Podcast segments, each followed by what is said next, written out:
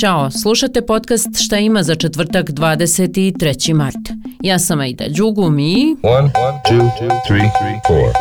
Paravojske u bivšoj Jugoslaviji i Ukrajini. Nasilje u ime države. Naslov je predavanja koje će danas u Sarajevu održati docentica za međunarodnu istoriju na Univerzitetu Utrihtu i gostujuća istraživačica na odjelu za ratne studije na King's College u Londonu Iva Vukušić teška tema, ali korisna, jer Vukušić može puno toga pojasniti. Ima dugogodišnje iskustvo u suđenjima za ratne zločine, kako kroz rad u tužilaštvu BiH, tako u novinskoj agenciji Sens, specializovanoj za haška suđenja. A o današnjem predavanju Hana Čurak, asistentica u programu, kaže. Izniman broj nereguliranih oružanih grupa učestvuje u savremenim konfliktima diljem svijeta. Adresira ih se različitim izrazima, paravojske, milicije, nedržavni akteri, plaćenici, odred povrede smrti i tako dalje. Oni opisuju skupine ljudi, najčešće muškaraca, koji napadaju civile u ime države s kojom nemaju nikakav formalni odnos. Ova sesija bit će utemeljena na primjerima iz bivše Jugoslavije 90-ih i današnje Ukrajine.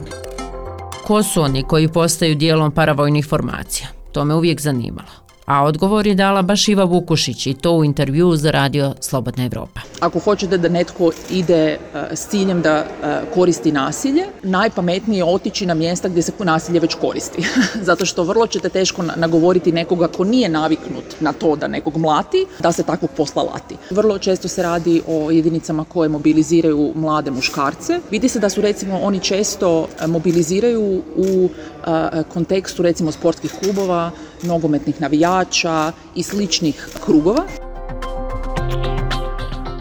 Detaljnije i svakako sadržajnije pročitajte u intervju sa Ivom Vukušić na web sajtu slobodnaevropa.org. I sigurnost je i dalje u fokusu. Državni ministar Nenad Nešić je u Briselu i bit će tamo dva dana. Danas će se sastati sa mnogim EU zvaničnicima, od kojih izdvajam komesara Evropske unije za susjedstvo i proširenje Olivera Varhelija. A dan poslije, ministar sigurnosti BiH provešće na Dunavskoj sigurnosnoj konferenciji. Teme su važne, prevažne. To su ilegalne migracije, krijumčaranje ljudi, trgovina ljudima i uticaj rata u Ukrajini na sigurnost regiona. I nešto konkretno. Federalni zavod za zapošljavanje objavio je javni poziv za programe sufinansiranja zapošljavanja i samozapošljavanja startup. Za sve to imaju 37 miliona maraka. Ako može dobiti posao, govori Haris Čuljević iz Federalnog zavoda za zapošljavanje.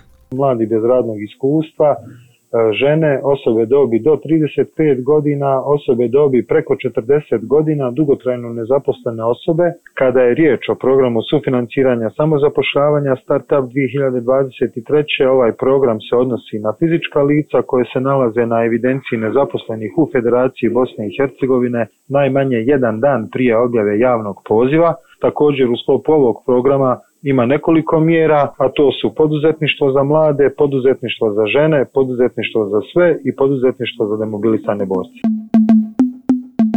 Ej, ovih dana sunce sija, proljeće hvata svoj zamah, a sunčani dio dana ja provodim u visokoj staklenoj zgradi.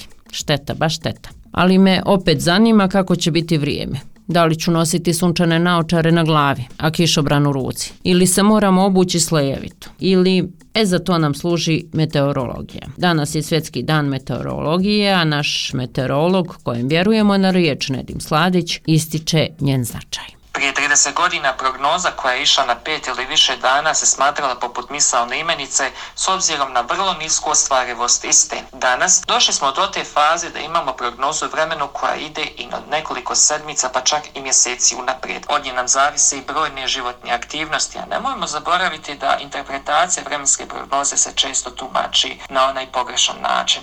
Daleko to da je od mape sa odgovarajućim simbolom i brojem. Ona je mnogo više od toga. Meteorolozi su zastupljeni u gotovo svim sferama društva, počevši od elektroenergetike, preko avjetičarstva, medicine, pa čak i do poljoprivrede i vojske. I što da vam kažem? odoh da se sunčam. Ćao, čao, do sutra.